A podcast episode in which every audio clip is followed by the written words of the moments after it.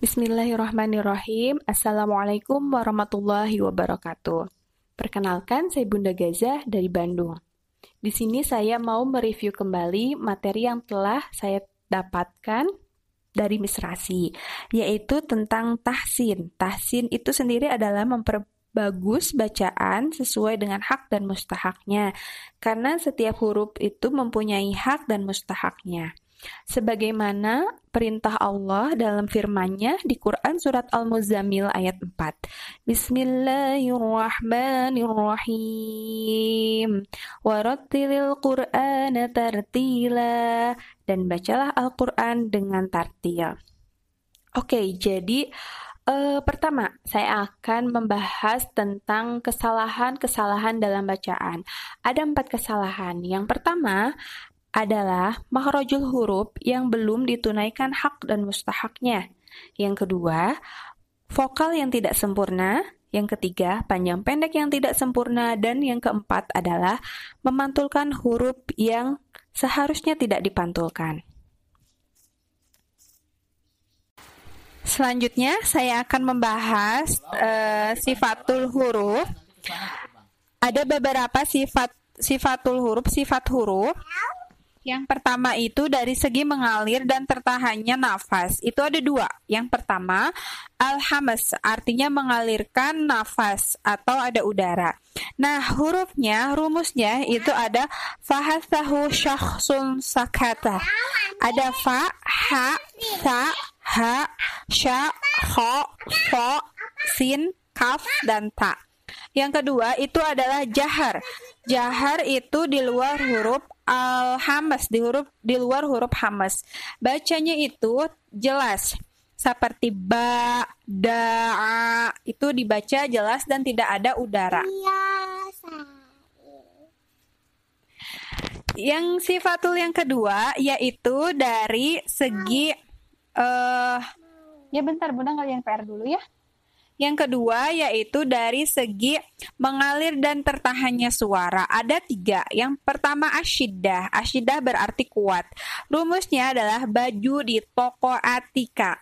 Yang kedua yaitu tawasud. Tawasud artinya pertengahan. Rumusnya adalah Omar Linu. Ada huruf Ain, huruf Mim, huruf Ro, Lam, Nun, dan di luar dari uh, rumus syiddah dan Tawasud adalah rokwah yang berarti e, lunak atau lembut. Sifat yang ketiga yaitu dari hmm, terangkat dan tidaknya pangkal lidah. Ada dua. Yang pertama istilah. Istilah ada rumusnya juga. Nah, rumusnya adalah so, sopo, dodo, gohok. Nah, itu ada huruf so, huruf po, huruf uh, wo, huruf do, huruf go, huruf ho, dan huruf o. Nah, yang kedua adalah istifal. Ini masih berdasarkan uh, terangkat tidaknya pangkal lidah ya. Nah, istifal ini lidahnya tidak terangkat, menurun. Nah, hurufnya di luar huruf dari isti'la. Selanjutnya, Uh, sifat selanjutnya yaitu lengket atau tidaknya lidah. Nah, yang pertama ilbak. Ingat aja bak mandi kalau nggak digosok itu lengket. Jadi ini lengket atau menempel. Nah, hurufnya apa ada apa aja? Ada ada so po dodo. Nah, so po lo dan lo. Lalu invita artinya tidak lengket, terbuka atau keluarnya suara. Nah, Selain huruf-huruf itbak tadi yang sotolodo itu termasuk dengan huruf invita. Sifat yang terakhir yang ke yang terakhir adalah ringan atau susah atau beratnya pengucapan. Nah, ini yang mudah disebut dengan izlak. Izlak itu rumusnya adalah faman libur, fa mim nun eh fa mim nun lam ba dan ro. Yang kedua adalah ismat. Ismat itu susah. Jadi di luar paman libur huruf itu termasuk dalam huruf ismat. Selanjutnya adalah asofir. Asofir ini ketajaman suara. Jadi e, menyerupai suara hewan. Nah, apa aja hurufnya? Ada tiga itu adalah so, za, dan sin. kemudian saya akan menjelaskan per huruf.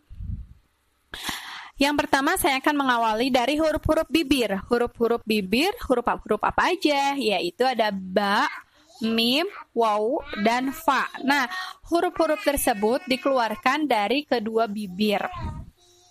Nah, yang pertama adalah huruf ba. Huruf ba itu berdasarkan mengalir dan tertahannya nafas termasuk ke dalam huruf jahar, yaitu jelas.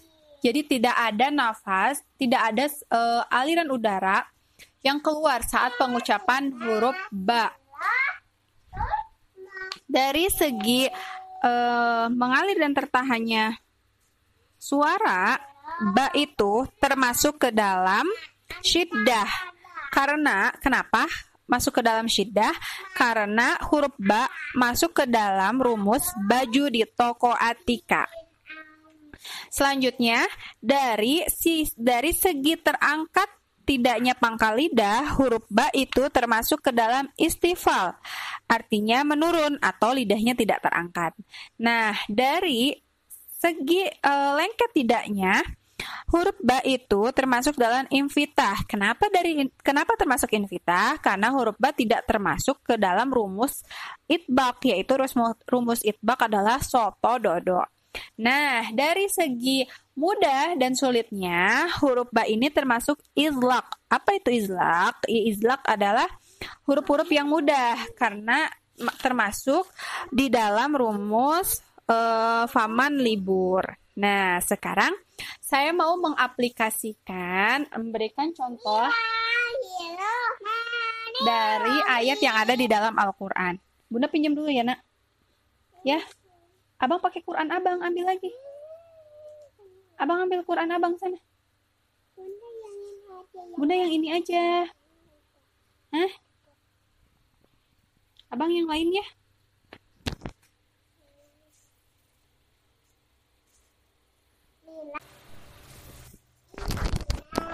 Saya akan membacakan ada di surat Al-Mursalat ini uh, di juz 29 Surat yang ke-77 di halaman 581. Saya akan membacakan ayat ke-43. Di sini ada fathah tanwin bertemu dengan huruf ba. A'udzu billahi minasyaitonir rajim. Bismillahirrahmanirrahim. Kulu washrabu hani'an bima kuntum ta'malun. Nah, kesalahan yang biasanya terjadi itu ketika nun sukun atau tanwin bertemu dengan huruf ba, keadaan bibir tidak ter terapat sempurna. Jadi uh, ada selembar kertas yang memisahkan antara bibir atas dan bawah.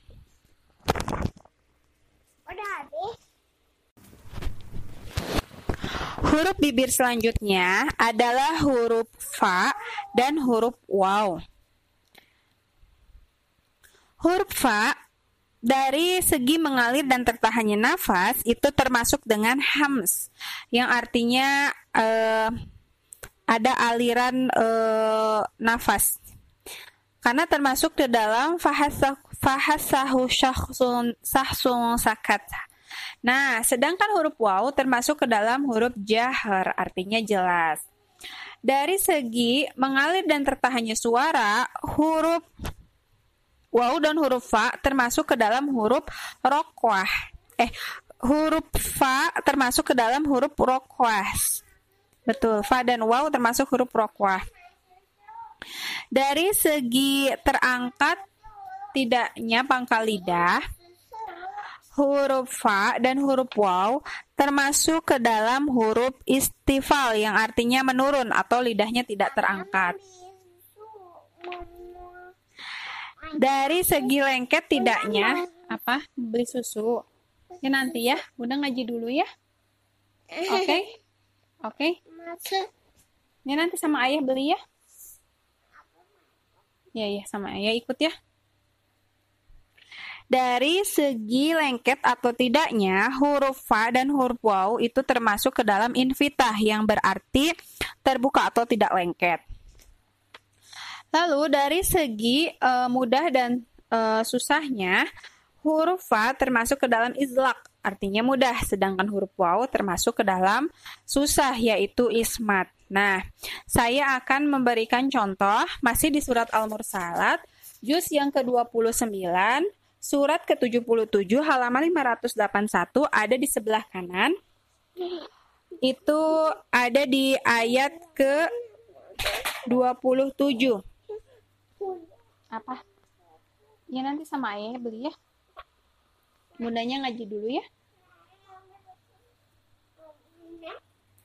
أعوذ بالله من الشيطان الرجيم بسم الله الرحمن الرحيم.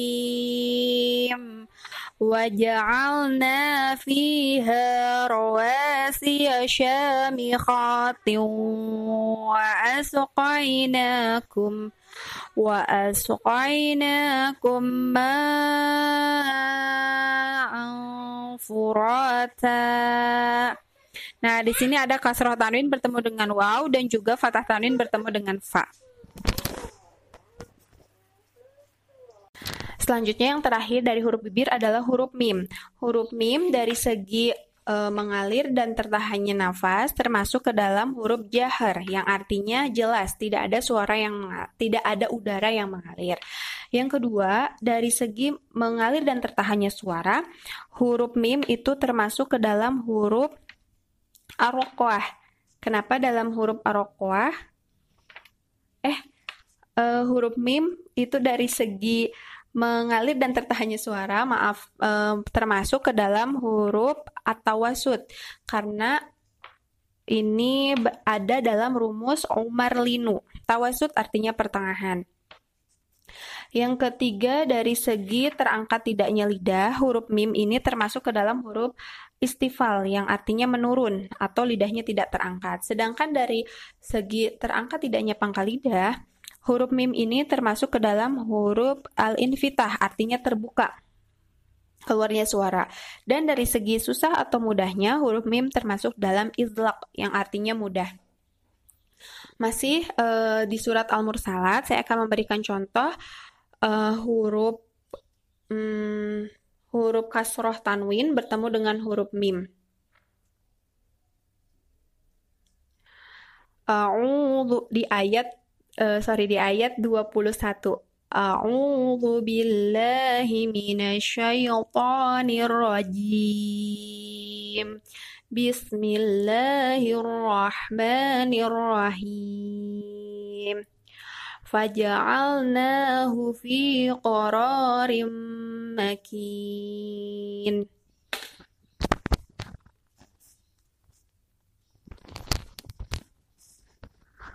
Selanjutnya saya akan membahas huruf-huruf sofir. Ada so, ada za, ada juga uh, sin. Huruf yang pertama adalah huruf huruf za. Huruf za dari segi tertahan dan mengalirnya nafas termasuk ke dalam huruf jahar yaitu jelas. Karena tidak termasuk ke dalam rumus uh, hamas yaitu fahasah fahasah fahasahun syah, syahsun sakata. Nah, dari segi mengalir dan tertahannya suara, huruf za termasuk ke dalam rokwah yang artinya lunak. Sedangkan dari segi e, terangkat tidaknya pangkal lidah termasuk ke dalam istifal yang artinya menurun atau tidak ter, lidahnya tidak terangkat. Sedangkan dari segi e, lengket tidaknya huruf za termasuk dalam invitah karena tidak termasuk dalam rumus dari itbak yaitu soto dodo.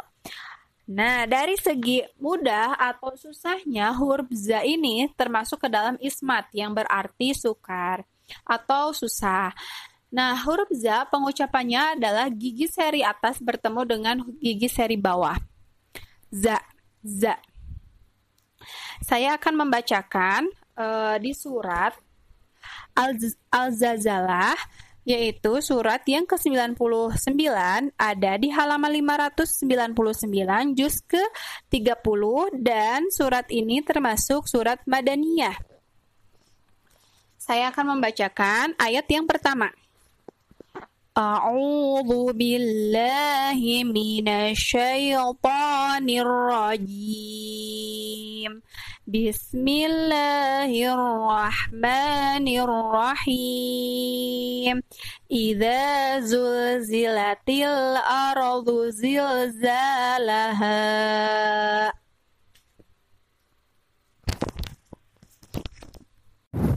زازيزو بز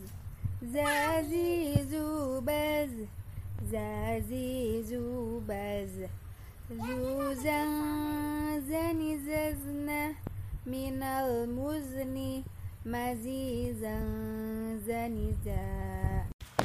Selanjutnya dari huruf sofir yaitu saya akan membahas huruf yang kedua yaitu sa atau sin. Cara membacanya adalah ujung lidah menempel pada eh, dinding eh, gigi seri bawah. Sa. Nah, dari segi uh, sifatul hurufnya, dari pertama yaitu dari tertahan atau mengalirnya nafas termasuk ke dalam huruf hamas karena ada di dalam rumus fahasahu syakhsun sakata yang artinya ketika melafalkan huruf sa itu ada uh, udara yang mengalir.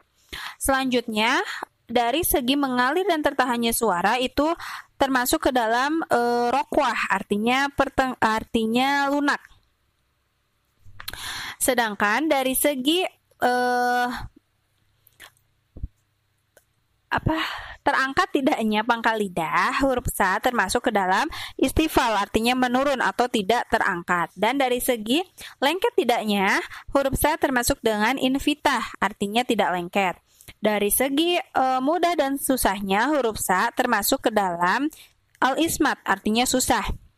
Nah, saya akan membacakan di surat Atin, surat yang ke-95 juz 30 ada di halaman 597 di bagian kanan atas. Ini ayat yang ke-5. أعوذ بالله من الشيطان الرجيم بسم الله الرحمن الرحيم ثم رددناه أسفل سافلين Nah, kesalahan yang biasanya terjadi adalah uh, adanya pantulan. Misalnya seperti ini bisa bisa milah nah bisa. Sedangkan huruf sin sendiri tidak termasuk huruf yang dipantul. Huruf yang dipantul adalah baju di toko. Seperti ayat 5 jangan dibaca summa as as. Nah jangan ada pantulan karena bukan huruf yang memantul. Sasi subas Sasi subas, sasi subas, susan sani sasna minal musni masih sanisa. Huruf sofir selanjutnya adalah huruf so. Huruf so ini ujung lidah menempel diangkat menempel ke gigi geraham atas. Huruf so hmm, termasuk ke dalam dari segi sifatul hurufnya dari segi mengalir dan tertahannya nafas termasuk ke dalam hamas. Jadi ada udara yang keluar karena termasuk di rumus fahasahu syakhsun sakata. Sedangkan dari segi mengalir dan tertahannya suara, huruf so ini termasuk ke dalam rokwah, artinya lembut atau lunak dari terangkat tidaknya pangkal lidah huruf so pa, e, pasti termasuk ke dalam istilah karena tadi sudah di saya sebutkan bahwa harus mengangkat lidah untuk ditempelkan ke gigi geraham. Nah, dari segi e, lengket tidaknya huruf so termasuk itbak yaitu karena termasuk di rumus soto dodo. Sedangkan dari susah mudahnya huruf so ini uh, termasuk ke dalam huruf ismat. Nah, saya akan membacakan ayat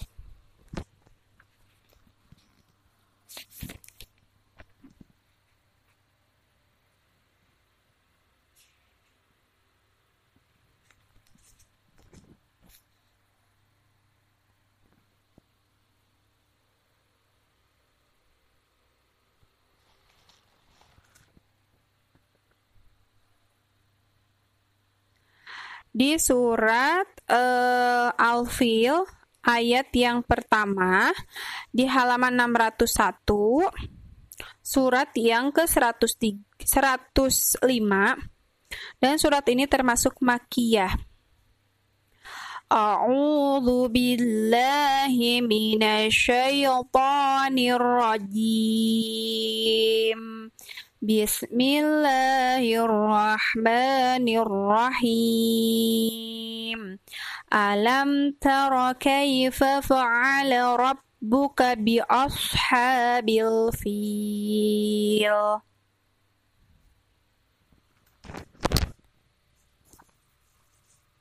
Selanjutnya saya akan membahas uh, tentang huruf di talpo. Huruf ini membacanya uh, ujung gigi seri eh ujung lidah bertemu dengan gusi gigi seri gusi gigi seri bagian atas. Yang pertama adalah da. Huruf da dari segi uh, tertahan dan mengalirnya nafas termasuk ke dalam huruf jahar yang artinya jelas. Jadi tidak ada aliran nafas saat pelafalan huruf da. Dari segi mengalir dan tertahannya suara, huruf da termasuk dalam syiddah, artinya kuat, karena ada di rumus baju di toko Atika. Sedangkan dari segi mengangkat dan e, tidaknya pangkal lidah, huruf e, da termasuk ke dalam istifal, yaitu menurun atau tidak terangkat. Sedangkan dari lengket tidaknya, huruf da termasuk invitah, artinya tidak lengket. Nah, dari segi susah dan mudahnya huruf da itu termasuk ke dalam huruf ismat. Saya akan coba di surat hmm,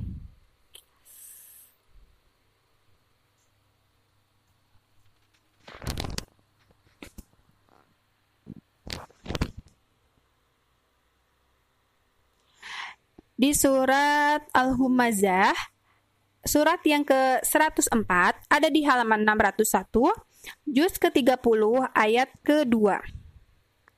Ada di sebelah kanan tengah. A'udzu billahi minasyaitonir rajim. بسم الله الرحمن الرحيم الذي جمع مالا وعدده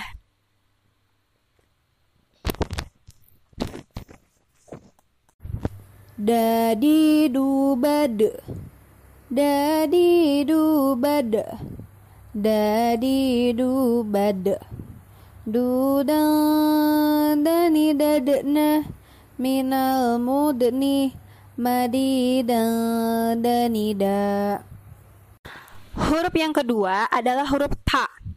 Nah, cara membacanya sudah dijelaskan bahwa ujung lidah bertemu dengan uh, gusi dari gigi seri atas.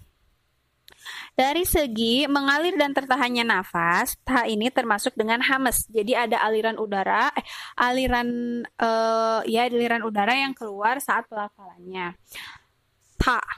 Nah, dari segi uh, mengalir dan tertahannya suara termasuk dengan syiddah yang artinya kuat karena ada di rumus baju diltok baju diltoko atika.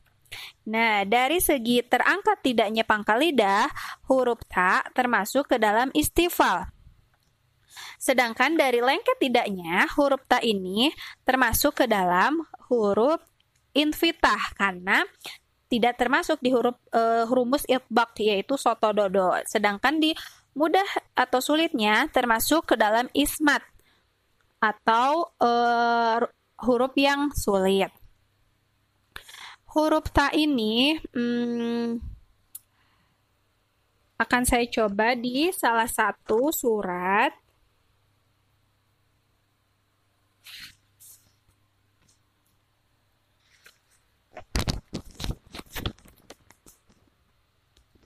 Al-Lahab itu ayat yang ke-111 di juz 30 halaman 603 di sebelah kanan bagian bawah ayat yang pertama. أعوذ بالله من الشيطان الرجيم بسم الله الرحمن الرحيم تبت يدا أبي لهب وتب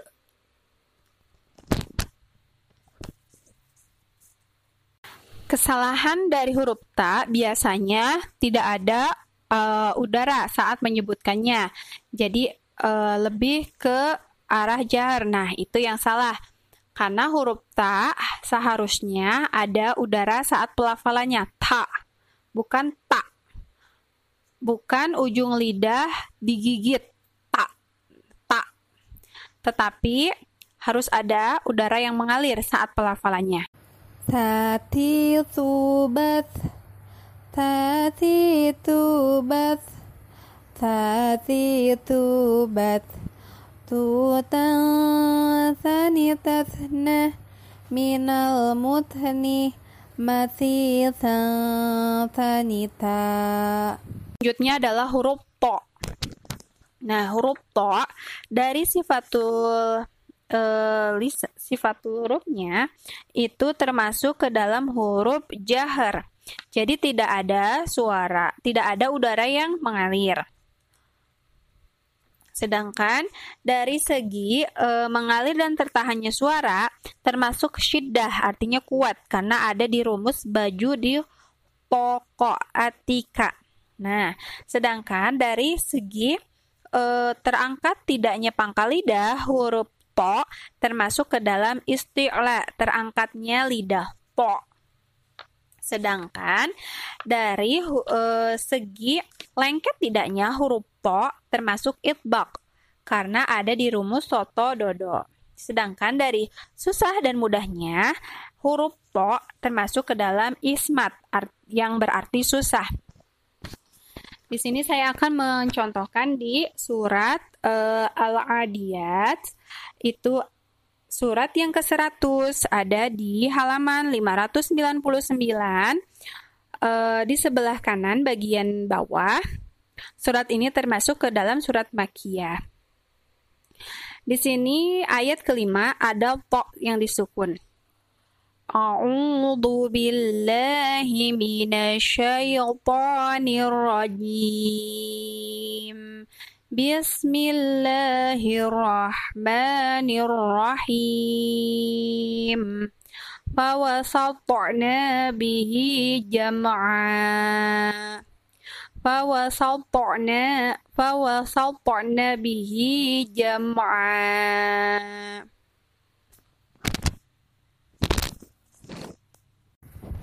Bò tiêu bò tiêu pu bò bò bò tiêu pu bò bò bò tiêu pu bò bò pu bò bò niu bò bò nè mina lemu bò ni mau tiêu bò bò niu bò Huruf selanjutnya yaitu huruf za, sa, dan lo.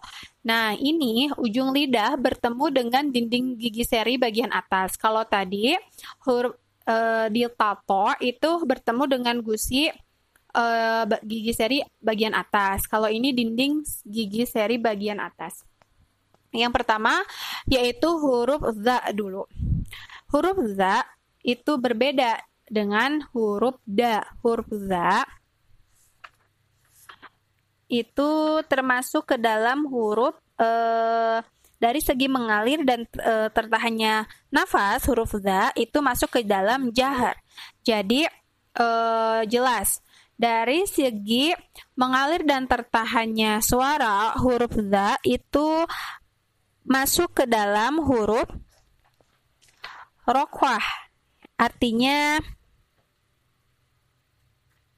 artinya lembut. Sedangkan dari segi terangkat, tidaknya pangkal lidah, huruf da termasuk ke dalam huruf e, istifal. Artinya lidahnya tidak terangkat. Pangkal lidahnya tidak terangkat. Sedangkan huruf dari segi lengket tidaknya, huruf da itu termasuk invitah, tidak lengket. Dan dari segi eh, dari sifat ringan dan beratnya itu termasuk ismat yang berarti susah. Nah, saya akan membacakan surat uh, Al-Zazalah ayat pertama itu di surat yang ke-99 halaman 599 uh, termasuk surah Madaniyah di ayat pertama.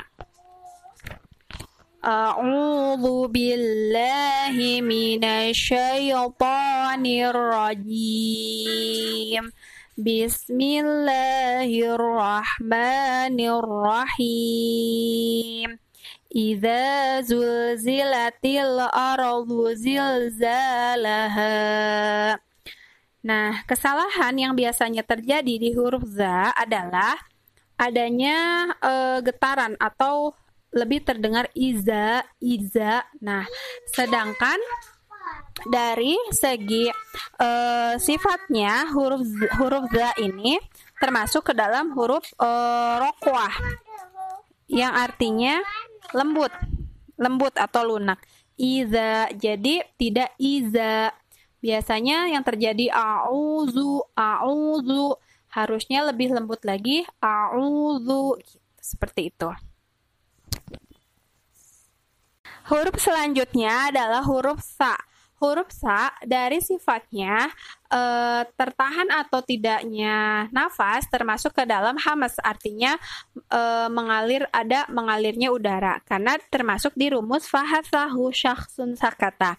Sedangkan dari sifat yang kedua yaitu mengalir atau tertahannya suara huruf sa termasuk ke dalam rohwah yaitu lembut. Sedangkan dari e, sifat yang ketiga, terangkat tidaknya pangkal lidah, huruf sa termasuk ke dalam huruf hmm, ke dalam huruf istifal, artinya tidak terangkat. Dan dari lengket tidaknya huruf sa termasuk ke dalam invitah, artinya e, tidak lengket. Sedangkan dari mudah atau sulitnya huruf sa termasuk ke dalam ismat, yaitu susah. Nah, saya akan mencontohkan dari surat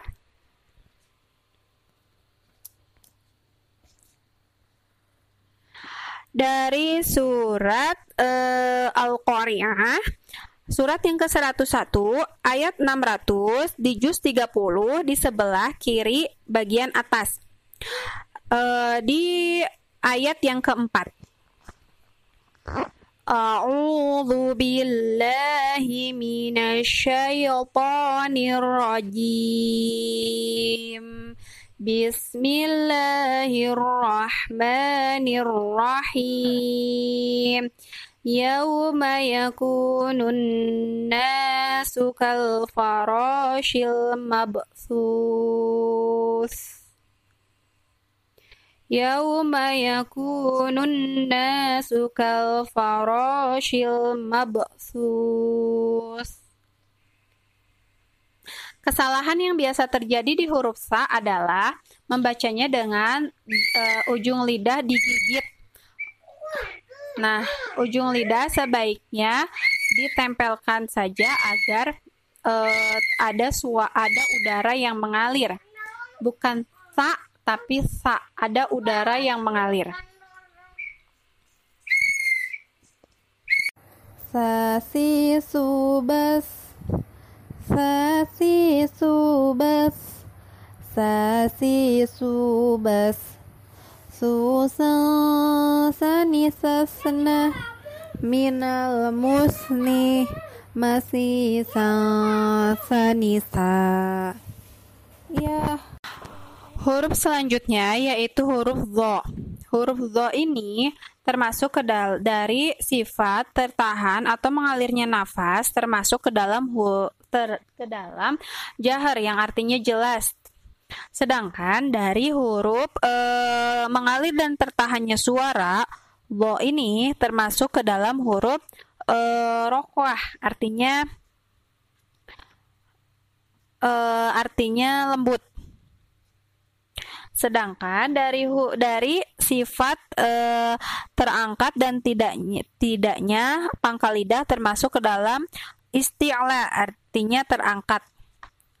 Sedangkan dari menempel tidaknya termasuk ke dalam iltbaq karena ada di, di rumus soto dodo. Sedangkan dari mudah dan susahnya termasuk ke dalam ismat. Nah, saya akan membacakan di surat uh, Al-Infitar, Al-Infitar surat yang ke-82 itu ada di halaman 587 di sebelah kanan bagian atas yaitu uh, ayat yang ke-10. Di sini ada dha di kasrah. A'udzu billahi minasyaitonir rajim. Bismillahirrahmanirrahim. Wa inna 'alaikum lahafizin.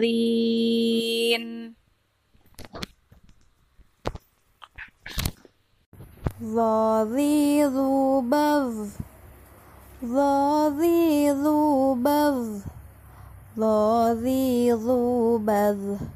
ذو بذ ذو ظن ظن من المذن مريضا ظنظا Selanjutnya adalah huruf ain. Huruf ain e, dari segi e, tertahan dan mengalirnya nafas termasuk ke dal termasuk ke dalam jahar yaitu jelas.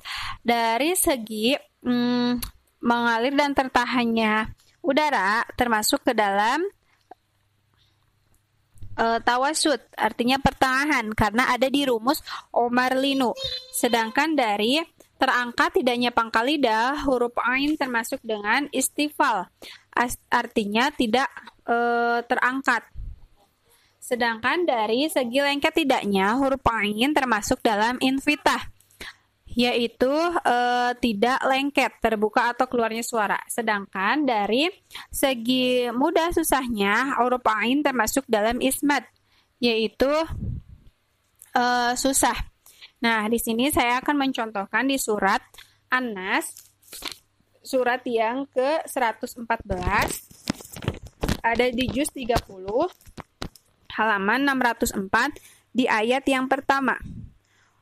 Ul, eh, Bis a'udzu billahi minasyaitonir rajim.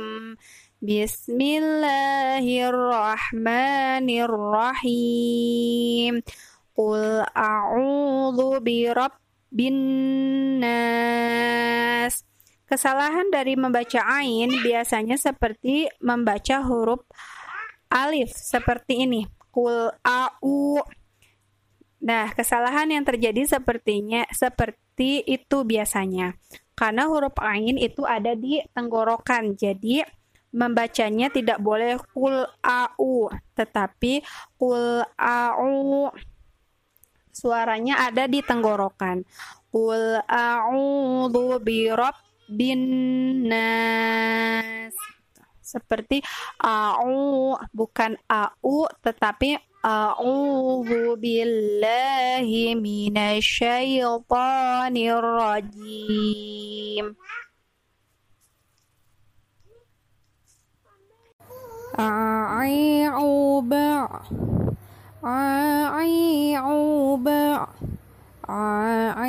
عوبع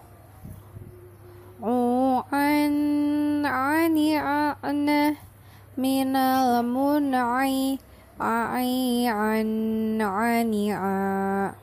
selanjutnya adalah huruf ko. Huruf ko dari segi sifat tertahan dan tidaknya nafas termasuk ke dalam jar. Artinya jelas tidak ada uh, udara yang keluar. Nah, dari segi mengalir uh, mengalir atau tertahannya suara, huruf ko termasuk ke dalam syiddah, artinya kuat karena ada di rumus baju di toko Atika. Sedangkan dari segi mengangkat tidaknya pangkal lidah, huruf ko termasuk ke dalam istilah, artinya lidahnya terangkat. Sedangkan dari segi uh, lengket tidaknya, huruf ko termasuk invitah artinya tidak lengket karena tidak termasuk dari rumus uh, itbak yaitu soto dodo. Sedangkan dari segi mudah dan susahnya termasuk ismat yaitu susah. Nah, saya akan mencontohkan huruf ko ada di uh, surat Al-Alaq, surat yang ke-96 ada di halaman 597 di sebelah kanan bagian bawah di sini adalah ada huruf ko yang disukun uh, dan juga huruf ko fathah ada di ayat ke-1 dan 2. A'udzu billahi minasyaitonir rajim. Bismillahirrahmanirrahim. Iqra bismi rabbikal khalaq. Khalaqal insana min 'alaq. Nah, kesalahan dalam membaca uh, itu biasanya ada di uh, ko sukun. Biasanya akan menjadi iqra, iqra. Seharusnya tetap menjadi huruf ko, iqra, iqra, tapi bukan menjadi iqra. Seperti itu. Jadi ketika disukun atau berada di akhir kalimat tetap kembali sesuai dengan hak dan mustahaknya. Khalaqal insana min 'alaq. Bukan menjadi alaq atau alaki gitu. Seperti itu. Qaqiqu baqa. Qaqiqu qaqiqu baqa qani qaqna minal muqani maqiqa qaniqa Huruf selanjutnya adalah huruf shin. Huruf shin itu mempunyai uh, sifat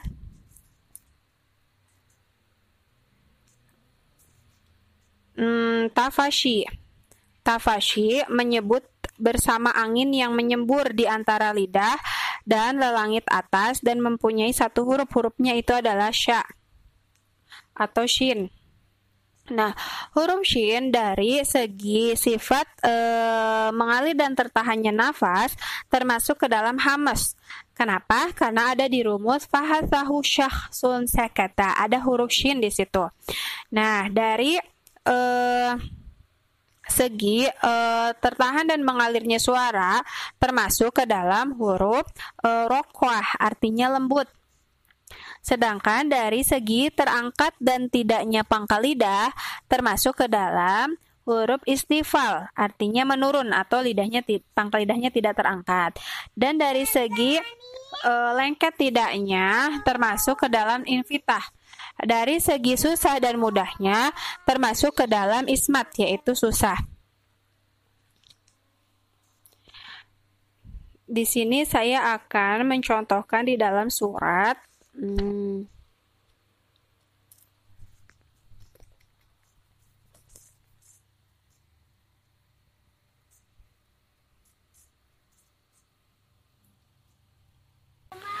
ada di surat uh, Al-Infitar itu di surat 82 halaman 587 ini di sebelah kanan bagian atas di uh, ayat yang ke-19. Di sini ada kasroh tanwin yang bertemu dengan huruf shin. أعوذ بالله من الشيطان الرجيم. بسم الله الرحمن الرحيم. بسم الله الرحمن الرحيم. يوم يوم لا تملك نفس لنفس شيئا. wal amru yawma idzil lillah. Shashishu bash shashishu bash shashishu bash shushan shani shashna minal mushni masyishan Selanjutnya ada huruf kaf. Huruf kaf dari segi sifat mengalir dan tidaknya nafas, mengalir dan tertahannya nafas termasuk dalam hams. Jadi ada udara yang mengalir saat pelafalannya karena huruf kaf tersebut ada di rumus fahasahu syakhsun sakata. Dari segi mengalir dan tertahannya uh, suara termasuk ke dalam uh, rumus huruf Syiddah artinya kuat karena ada di rumus baju di toko Atika. Sedangkan dari segi terangkat tidaknya pangkal lidah termasuk ke dalam e, rumus istifal. Artinya lidahnya tidak terangkat. Dan dari segi mau belok ya. Dari segi lengket tidaknya termasuk invit eh, dari segi lengket tidaknya termasuk dari segi invitah artinya tidak lengket. Dan dari segi susah mudahnya termasuk ke dalam ismat artinya susah. Nah saya akan mencontohkan di surat uh,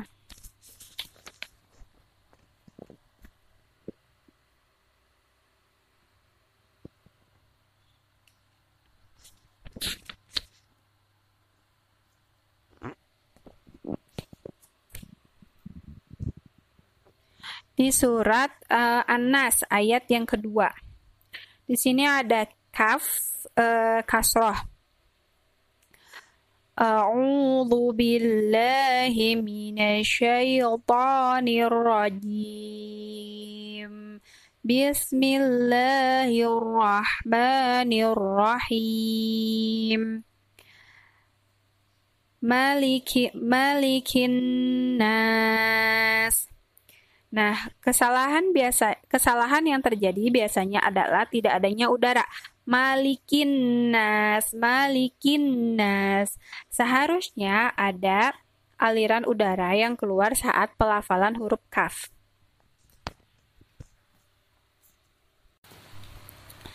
Kaki kubak Kaki kubak Kaki Bukan kanikahna minal mukni kanika. Oke, huruf yang terakhir adalah huruf ja.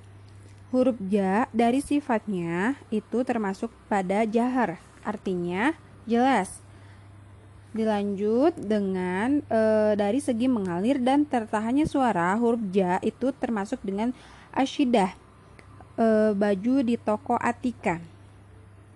Dan dari segi mengangkat e, atau mengangkat tidaknya pangkal lidah, huruf ja termasuk ke dalam istifal, artinya menurun atau lidah tidak terangkat, pangkal lidah tidak terangkat. Dan dari segi lengket atau tidaknya huruf ja termasuk ke dalam infitah, artinya ter, artinya tidak lengket. Dari segi mudah atau susahnya huruf ja termasuk ke dalam uh, huruf uh, ke dalam sifat ismat, artinya susah.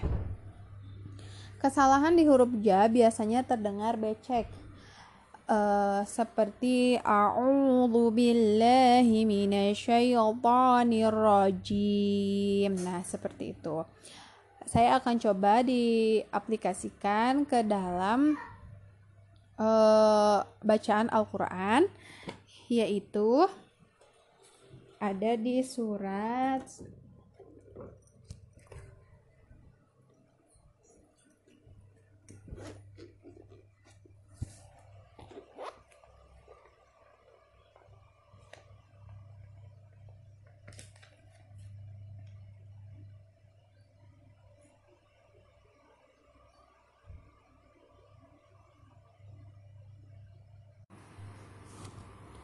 Nah, ini ada di surat uh, Al-Zalzalah ayat ke 2 Al-Zalzalah surat ke-99 ada di halaman 599 dan ini termasuk surat Madaniyah ada di sebelah kanan tengah. A'udzu billahi minasyaitonir. Bismillahirrahmanirrahim. Wa akhrajatil ardu asqalaha. Jadi eh, terkadang salah membacanya menjadi wa akhraja, roja. Ada eh, udara yang mengalir. Nah, saya akan coba huruf ja Jaji jubaj. Jaji jubaj. Jaji jubaj. Jujan jani jajna Minal mujni. Maji yang jani ja. Alhamdulillah. Alhamdulillahirrabbilalamin Saya Bunda Gaza sudah selesai untuk mereview kembali materi yang telah didapatkan selama ini. Semoga bisa bermanfaat dan mohon maaf karena masih ada beberapa huruf yang mungkin kurang sesuai mahrojul hurufnya. Semoga ke depannya bisa menjadi lebih baik lagi. Wassalamualaikum warahmatullahi wabarakatuh.